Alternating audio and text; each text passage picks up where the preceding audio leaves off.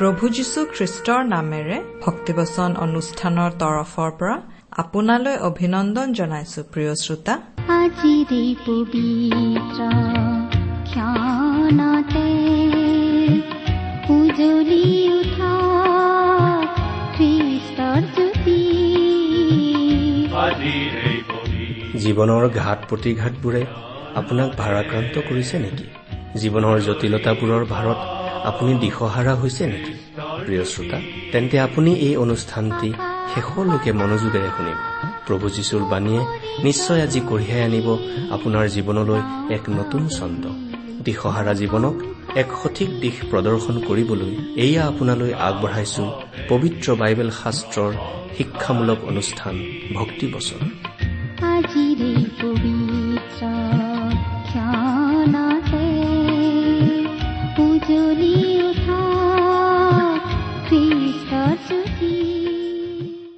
আমাৰ মহান ত্ৰাণকৰ্তা প্ৰভু যীশুখ্ৰীষ্টৰ নামত নমস্কাৰ প্ৰিয় শ্ৰোতা।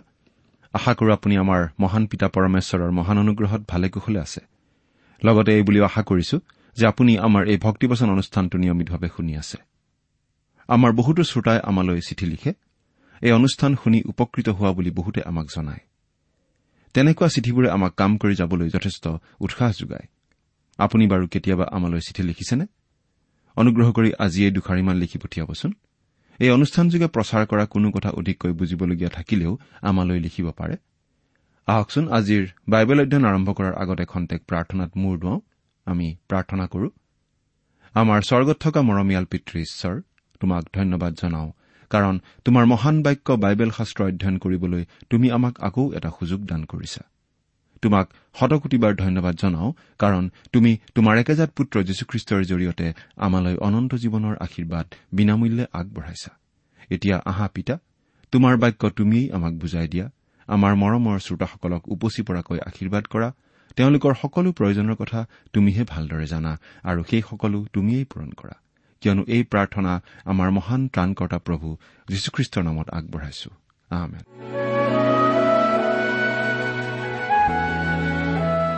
প্ৰিয় শ্ৰোতা আমি বাৰু এতিয়া কি অধ্যয়ন কৰি আছো আপোনাৰ মনত আছেনে?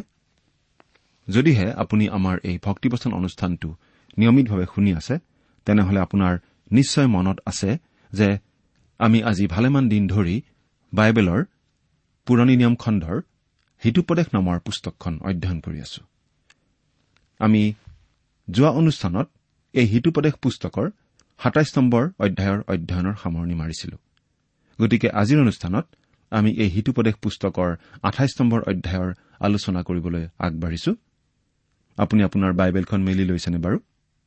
আমি বাইবেলৰ পৰা পাঠ কৰি দিব খুজিছো।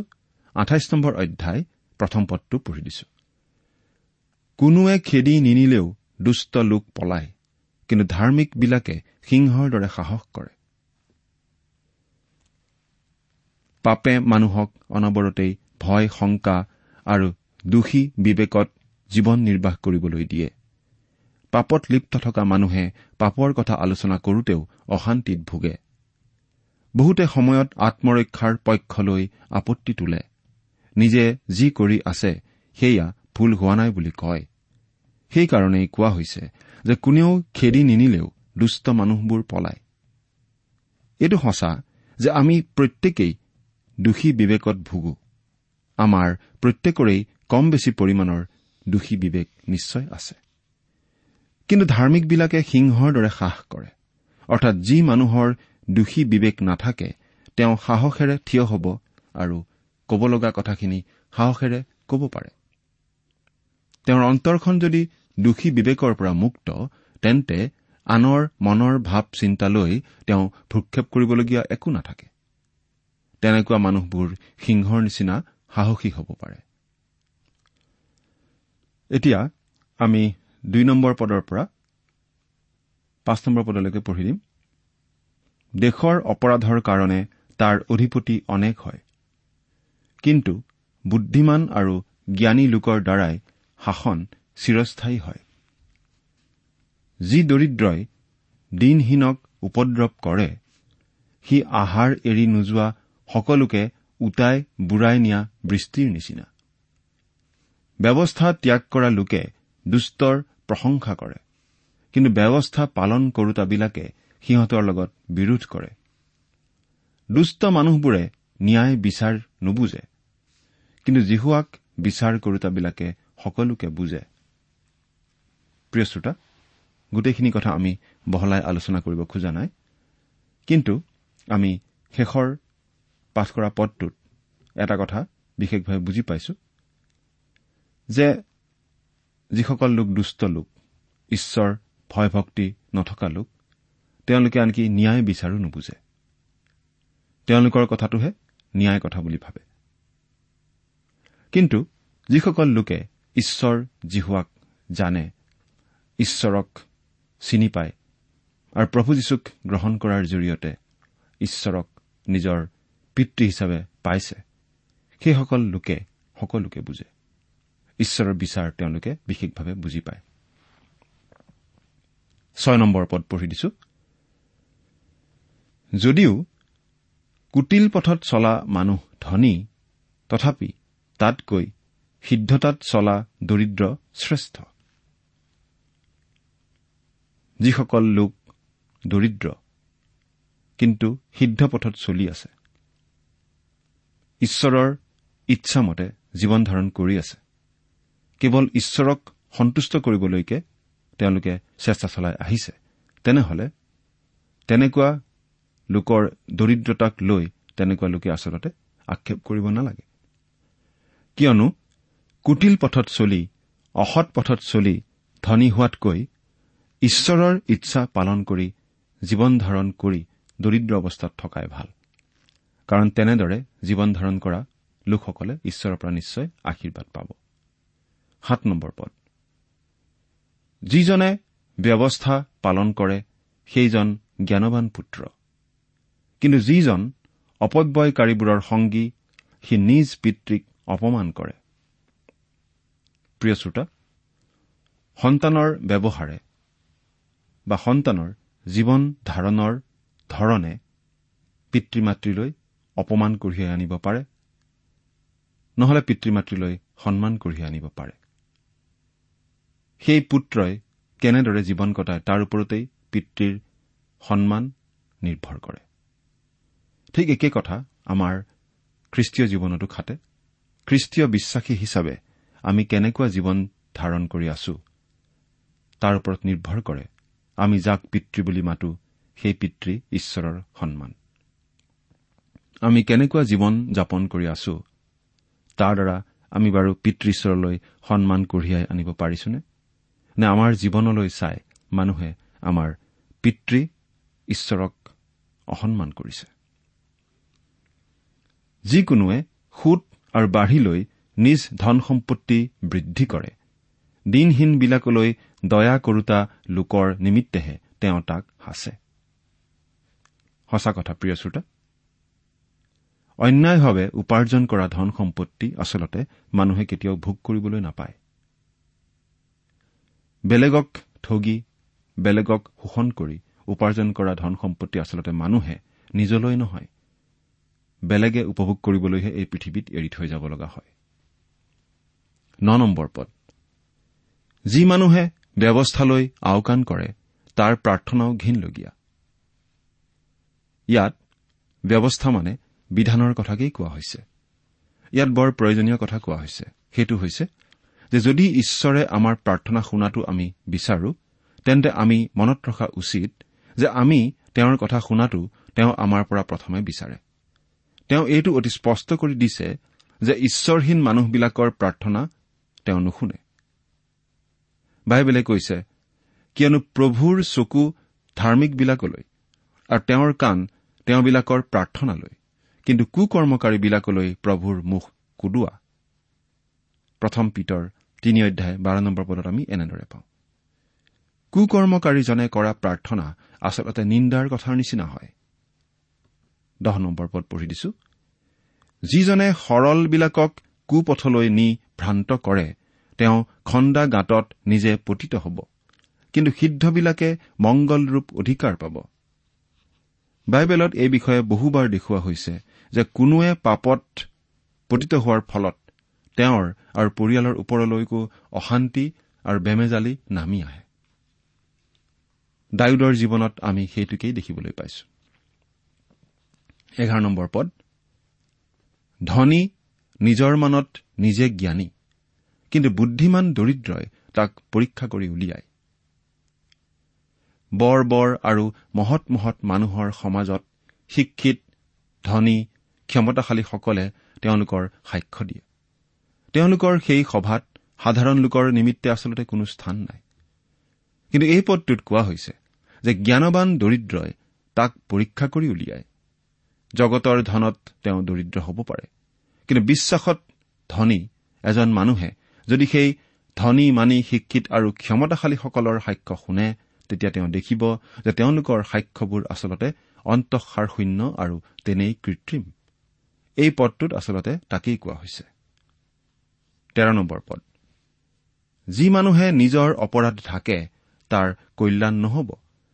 কিন্তু যিকোনোৱে তাক স্বীকাৰ কৰি ত্যাগ কৰে তেওঁ কৃপা পাব। এইটো এটা বৰ প্ৰয়োজনীয় নীতিবচন। অপৰাধ ঢাকি ৰখাটো আজিকালি খ্ৰীষ্টীয় লোকৰ মাজত এটা স্বাভাৱিক আচৰণৰ নিচিনা হৈ পৰিছে। পাপৰ কৰ্কট ৰোগ ৰূপ যিবোৰ ঘাঁ সেইবোৰ ঢাকি কৰি থৈ দিয়াটো আজিকালি ব্যক্তিগত জীৱনতেই কেৱল সীমাবদ্ধ থকা নাই। ই আনকি সমূহীয়াকৈ মণ্ডলীৰ জীৱনতো থিতাপি লৈছেহি। মানুহে পাপ স্বীকাৰ কৰাটো দূৰৈৰে কথা। পাপ বোলা যে কিবা থাকিব পাৰে তাকে মানি ল'ব নোখোজে। তেওঁলোক ঠিকেই আছে বুলিয়েই তেওঁলোকে ভাবি থাকে।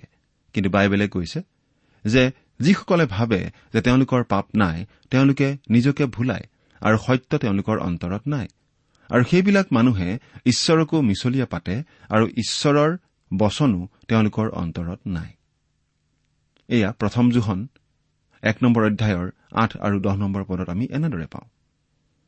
কিন্তু বাইবেলেই আকৌ কৈছে যে সেইসকল লোকে যদি তেওঁলোকৰ পাপবোৰ স্বীকাৰ কৰে তেন্তে বিশ্বাসী আৰু ধাৰ্মিক ঈশ্বৰে তেওঁলোকৰ পাপবোৰ ক্ষমা কৰিব আৰু তেওঁলোকৰ অপৰাধসমূহৰ পৰাও তেওঁলোকক সূচী কৰিব। এই কথা আমি পাওঁ প্ৰথম জোখন এক নম্বৰ অধ্যায়ৰ ন নম্বৰ পদত। ই সমাজত স্বীকাৰ কৰা স্বীকাৰোক্তিয়েই হওক বা ব্যক্তিগতভাৱে স্বীকাৰ কৰা স্বীকাৰোক্তিয়েই হওক স্বীকাৰ কৰিলে তেওঁ ক্ষমা কৰিম বুলি কৈছে যেতিয়া ক্ষমা কৰিবই কাৰণ তেওঁ বিশ্বাসী। তেওঁ ক্ষমা কৰিব পাৰিবই কাৰণ তেওঁ ধাৰ্মিক। পাপ কিন্তু দূৰ কৰিব লাগিবই। যিকোনো মূল্যৰ বিনিময়তেই পাপ ৰোগ দূৰ কৰা খ্ৰীষ্টীয় লোকৰ এক অনিবাৰ্য কাম। প্ৰিয় শ্ৰোতা এজন বিশ্বাসী দাসে এনেদৰে কৈছিল অযোগ্য হলেও যোৱা ইমানকেইটা বছৰে ভুলে ভালে প্ৰভুৰ পৰিচৰ্যা কৰি আহোঁতে বুজিব পাৰিছো যে মানুহৰ অহংকাৰ অমনোযোগিতা আদিৰ লগতে মানুহে পাপ স্বীকাৰ কৰিবলৈ ইচ্ছা নকৰাৰ আন এটা কাৰণ খ্ৰীষ্টীয় সমাজখনেই। এনে খ্ৰীষ্টীয় লোকো আমাৰ মাজত আছে যিসকলে আনৰ পাপ জানিলে গোটেইখন প্ৰচাৰ কৰি ফুৰে। নাইবা স্বীকাৰ কৰিলে হেয় প্ৰতিপন্ন কৰিবলৈ সুযোগ গ্ৰহণ কৰে। কোনোৱে আনে পাপত পৰা বুলি শুনিলে পেটে পেটে আচলতে ভাল পায়। এনে কিছুমান লোকো আছে যিসকল মহাধাৰ্মিক পাপত পৰা লোকৰ প্ৰতি বৰ কঠোৰ মনোভাৱ প্ৰকাশ কৰে নিন্দা কৰে গালি গালাজ কৰে আনকি আওপকীয়াকৈ নিন্দা ইটিকিং কৰিবলৈ তেওঁলোকে লাজ নকৰে। বাইবেলে কিন্তু তেনে কৰিবলৈ আমাক কোৱা নাই। বাইবেলে কৈছে হে ভাইবিলাক কোনো মানুহ যদি কোনো অপৰাধত পৰে তেন্তে আম্মিক যি তোমালোক তোমালোকে মৃদুশীল আত্মাৰে তেনেকুৱাজনক আকৌ সুস্থ কৰা। পাছে জানো তুমিও পৰীক্ষাত পৰা এইকাৰণে নিজক চাবা। তোমালোকে ইজনে সিজনৰ ভাৰ বৈ বিধান সম্পূৰ্ণকৈ পালন কৰা। এইখিনি কথা আমি পাওঁ গালাটীয়া ছয় নম্বৰ অধ্যায়ৰ এক আৰু দুই নম্বৰ পদত। কিন্তু প্ৰিয় শ্ৰোতা যিয়ে যি মনোভাৱ নলওঁ কিয়? যিয়ে যেনেধৰণৰ ব্যৱহাৰ নকৰক কিয়? আমি কিন্তু আমাৰ পাপ দূৰ কৰিবই লাগিব।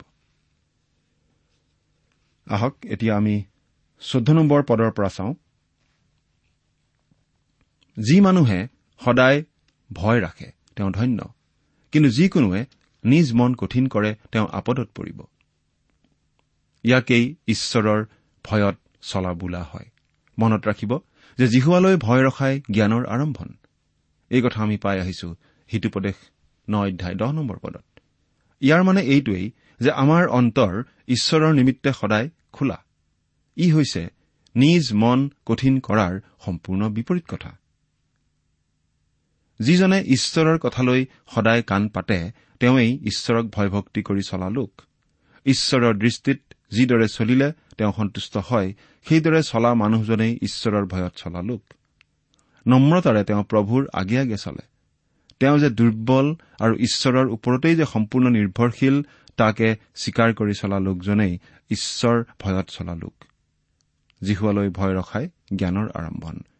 বোলা কথাষাৰৰো অৰ্থ আচলতে এইটোৱেই।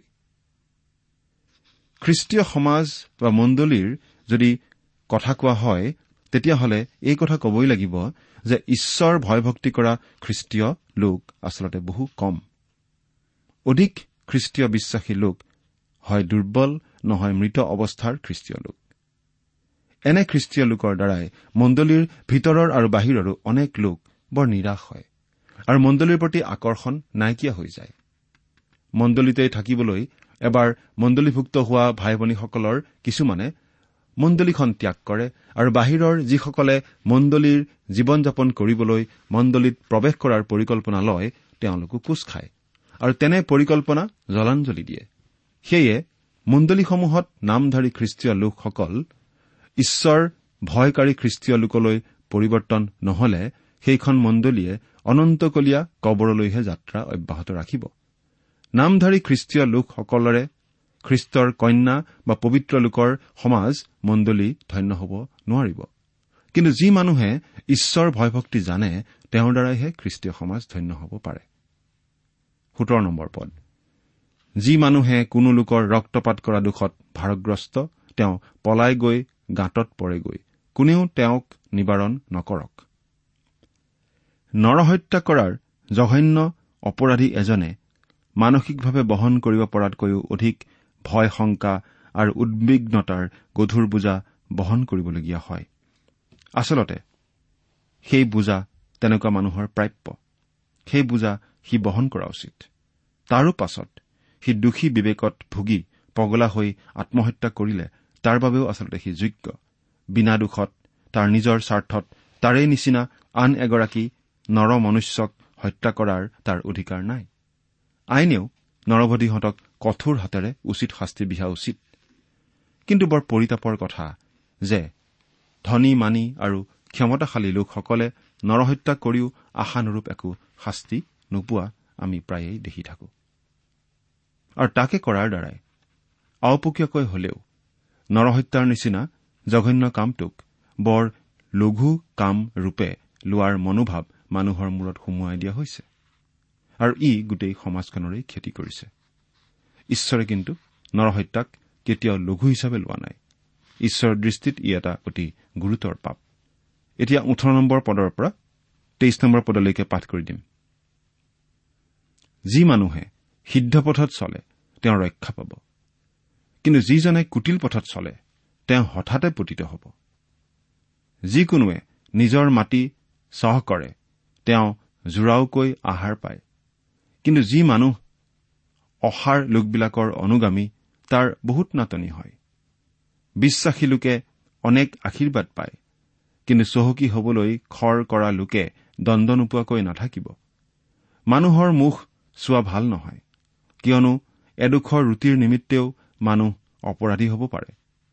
চকু চৰহা লোকে অতি আগ্ৰহেৰে ধনলৈ চেষ্টা কৰে। কিন্তু তালৈ যে দৰিদ্ৰতা ঘটিব তাক সি নাজানে। যিবাৰে খোচামুট কৰোতা লোকতকৈ অনুযোগ কৰোতা লোকে পাছত অধিক অনুগ্ৰহ পায়। ইয়াত আমাৰ কিছুমান আদৰণীয় গুণৰ কথা উল্লেখ কৰা হৈছে। আৰু কিছুমান ব্যৱহাৰ বা স্বভাৱ যে আমি এৰিব লাগে সেই বিষয়ে উল্লেখ কৰা হৈছে। কথাখিনি আমি বহলাই নকলেও নিশ্চয় বুজি পাইছো। এতিয়া চৌব্বিছ নম্বৰ পদৰ পৰা পাঠ কৰি দিব খুজিছো। যি মানুহে নিজ পিতৃ কি মাতৃৰ ধন সম্পত্তি অপহৰণ কৰি কয় ইয়াত একো দোষ নাই সি বিনাশকাৰীৰ সংগী। নিজৰ পিতৃ বা মাতৃৰ ধন সম্পত্তি অপহৰণ কৰা কথাটো চিন্তা কৰি চাওকচোন। কেনেকুৱা এটা জঘন্য অপৰাধ। আৰু তেনেকুৱা মানুহে আন মানুহৰ প্ৰতি কেনেকুৱা ব্যৱহাৰ কৰিব? চিন্তা কৰি চাওকচোন।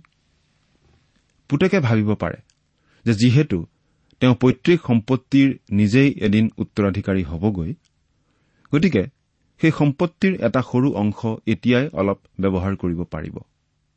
কিন্তু নাই তেনেদৰে নহ'ব। তেনেকুৱা কৰাটো ঈশ্বৰে অপৰাধ বুলি কৈছে। পুত্ৰই ভৱিষ্যতেহে উত্তৰাধিকাৰী বাপটো পাব। এতিয়াই পোৱা নাই। আৰু যিহেতু পোৱা নাই সেয়ে তেওঁ এতিয়াই সম্পত্তিৰ ওপৰত অধিকাৰ চলাব নোৱাৰে। প্ৰভু যীশুখ্ৰীষ্টই ধৰ্মীয় নেতাসকলক তেনে এটা কুচক্ৰান্তৰ কাৰণে গৰিহণা দিছিল। সা সম্পত্তি কোনো পিতৃয়ে তেওঁৰ পুত্ৰক কুৰ্বান অৰ্থাৎ উৎসৰ্গিত হবলৈ সন্মতি দিয়ে। তেতিয়া উৎসৰ্গিত পুত্ৰজনক পৈতৃক ধন সম্পত্তিসমূহৰ পৰাও মুক্ত কৰা হয়। অৰ্থাৎ সেই পুত্ৰৰ আৰু পিতৃৰ সম্পত্তিৰ ওপৰত কোনো অধিকাৰ নাথাকিবগৈ। এদিন পিতৃৰো পৰলোক প্ৰাপ্তি ঘটিব। তেতিয়া সেইবোৰ মাটি সম্পত্তি ৰাজহুৱা হ'ব। অৰ্থাৎ ধৰ্মীয় নেতা শ্ৰেণীৰ হ'ব। এই বিষয়ে অধিক জানিবলৈ হলে আপুনি মঠিয়া লিখা শুভবাৰ্তা পোন্ধৰ নম্বৰ অধ্যায়ৰ পাঁচ আৰু ছয় নম্বৰ পদ মাৰ্কে লিখা শুভবাৰ্তা সাত নম্বৰ অধ্যায়ৰ এঘাৰ নম্বৰ পদ চাওক। সেই ধৰ্মীয় নেতাসকল আছিল স্বভাৱতেই পাপী আৰু পৈতৃক সম্পত্তিবোৰ আছিল পিঠা। সেয়ে পাপীৰ মন সদায় পিঠাত। তেওঁলোকৰ মন সেই সম্পত্তিবোৰত আছিল। আৰু এয়ে আছিল তেওঁলোকৰ লোভ। অন্তৰত তেওঁলোকৰ সেই লোভ আছিল। কুৰ্বানী কৰাৰ নামত পৰৰ সম্পত্তি হাত কৰিবলৈ সেয়া আছিল তেওঁলোকৰ চক্ৰান্ত। আন লোকৰ সম্পত্তি লাভ কৰাৰ অপৰাধত তেওঁলোক অপৰাধী আছিল। আচলতে প্ৰভু যীশুৱে এই কথাখিনিৰ যোগেৰে তেওঁলোকক সেই কথাটো বুজাই দিছে যে তেওঁলোকে আচলতে ধৰ্মৰ দোহাই দি কুৰ্বানীৰ দোহাই দি মানুহৰ সম্পত্তি নিজলৈ বুলি কাঢ়ি ল'ব খুজিছিল। ইয়াত কিন্তু আমি এতিয়া পিছৰ পদকেইটাত এনেদৰে পঢ়িবলৈ পাওঁ। পঁচিছ নম্বৰ পদটো পঢ়ি দিছো প্ৰথমতে লোভিয়া স্বভাৱৰ লোকে বিবাদ উৎপন্ন কৰে। কিন্তু জিহুৱাত ভৰসা কৰোতা লোক তৃপ্ত হ'ব।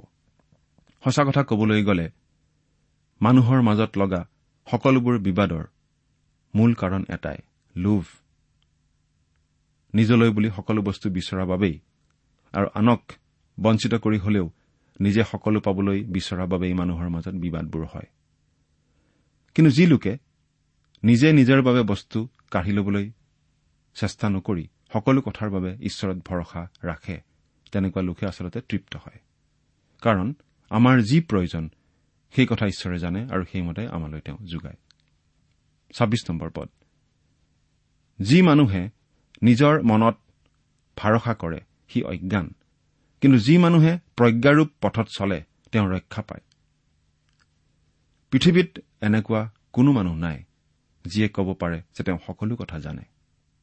কিন্তু মানুহে যদি ভুল কৰি নিজৰ মনত নিজৰ ভাৱ চিন্তাত নিজৰ বিদ্যা বুদ্ধিত ভৰসা ৰাখি চলে তেতিয়াহ'লে আচলতে অজ্ঞানতাৰ চিনাকি দিয়া হয়। কিন্তু যদিহে আমি ঈশ্বৰৰ পৰা জ্ঞান বিচাৰি তেওঁৰ নিৰ্দেশনা মানি চলো তেতিয়াহ'লে আমি জীৱনত উন্নতি পাওঁ আৰু বিপদৰ পৰা ৰক্ষা পাওঁ। নম্বৰ পদ। যি মানুহে দৰিদ্ৰক দান কৰে তেওঁৰ অভাৱ নহ'ব। কিন্তু যিকোনোৱে তালৈ চকু মুদে তেওঁ অনেক সাও পাব। প্ৰিয় শ্ৰোতা দৰিদ্ৰৰ প্ৰতি দয়া স্নেহ মৰম দেখুৱাবলৈ আমাক বাৰে বাৰে বাইবেলত উদগোৱা হৈছে। আৰু বিশেষভাৱে ইয়াত কোৱা হৈছে যে দৰিদ্ৰ লোকক দান কৰা লোকৰ কেতিয়াও অভাৱ নহ'ব কিয়নো তেনে লোকে ঈশ্বৰৰ পৰাই পাবলগীয়া আশীৰ্বাদবোৰ পাই থাকিব। দুষ্টবোৰৰ উন্নতি হলে প্ৰজাবিলাক লুকাই থাকে। কিন্তু সিহঁত নষ্ট হলে ধাৰ্মিকবিলাকে বৃদ্ধি পায়। কিমান সঁচা কথা? দুষ্টবোৰৰ উন্নতি হলে মানুহে ভাল নাপায়। মানুহবিলাক আঁতৰি ফুৰে। কাৰণ তেনেকুৱা দুষ্ট লোকৰ পৰা ভয়ৰ কাৰণ থাকে। কিন্তু যেতিয়া দুষ্ট লোক বিনষ্ট হয় দুষ্ট লোকৰ পতন হয় তেতিয়া সকলোৱে আনন্দ পায় কিয়নো তেতিয়া সৎ লোক ধাৰ্মিক লোকৰ বৃদ্ধি হয়। প্ৰিয় শ্ৰোতা পৃথিৱীলৈ এনে এটা দিন আহি আছে যি দিনত সকলোবোৰ দুষ্ট লোক ধবংস হ'ব আৰু প্ৰভু যীশুত বিশ্বাসী সকলো লোকেই এই পৃথিৱীত ৰাজত্ব পাব। সেই দিনটোলৈ আমি আগ্ৰহেৰে বাট চাই আছো। আপুনি বাৰু বাট চাই আছেনে? ঈশ্বৰে আপোনাক আশীৰ্বাদ কৰক। আহমেদ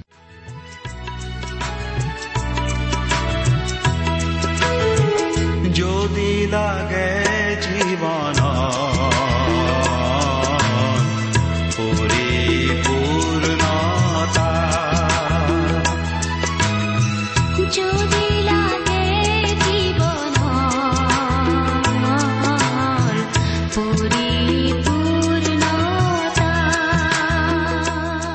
শ্ৰোতা ইমান পৰে আপুনি বাইবেল শাস্ত্ৰৰ পৰা ঈশ্বৰৰ বাক্য শুনিব এই বিষয়ে আপোনাৰ মতামত জানিবলৈ পালে আমি নথৈ আনন্দিত হ'ম।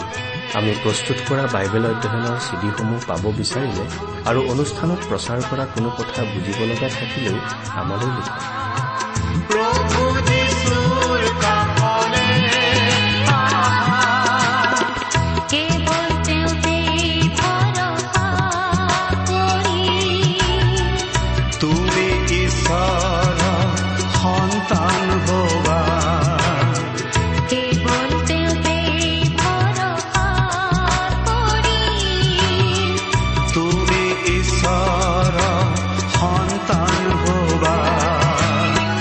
যদি লাগে জীৱন পৰিপূৰ্ণতা আমাৰ যোগাযোগৰ ঠিকনা ভক্তিবচন ট্ৰান্স ৱৰ্ল্ড ৰেডিঅ' ইণ্ডিয়া ডাক পাকচ নম্বৰ সাত শূন্য গুৱাহাটী সাত আঠ এক শূন্য শূন্য এক। ঠিকনাটো আকৌ এবাৰ কৈছো ভক্তি বচন ট্ৰান্স ৱৰ্ল্ড ৰেডিঅ' ইণ্ডিয়া ডাক বাকচ নম্বৰ সাত শূন্য গুৱাহাটী সাত আঠ এক শূন্য শূন্য এক। জীৱনৰ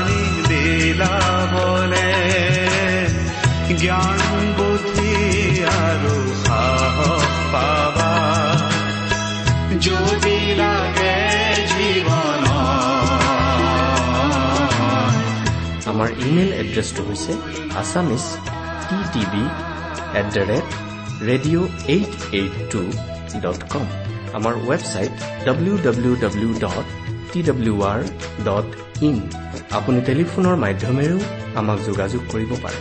আমাৰ টেলিফোন নম্বৰটো হৈছে nine eight five four zero' four zero' eight eight nine phone নম্বৰটো আকৌ এবাৰ কৈছো ন আঠ পাঁচ চাৰি শূন্য চাৰি শূন্য আঠ। আঠ ন। আপুনি এই ভক্তিবচন অনুষ্ঠানটি আমাৰ website W W W dot radio' eight eight two dot কমতো শুনিব পাৰিব। আজিৰ অনুষ্ঠানটি ইমানতেই সামৰিছো। ঈশ্বৰৰ শান্তি আৰু অনুগ্ৰহ আপোনাৰ লগত থাকক। ধন্যবাদ।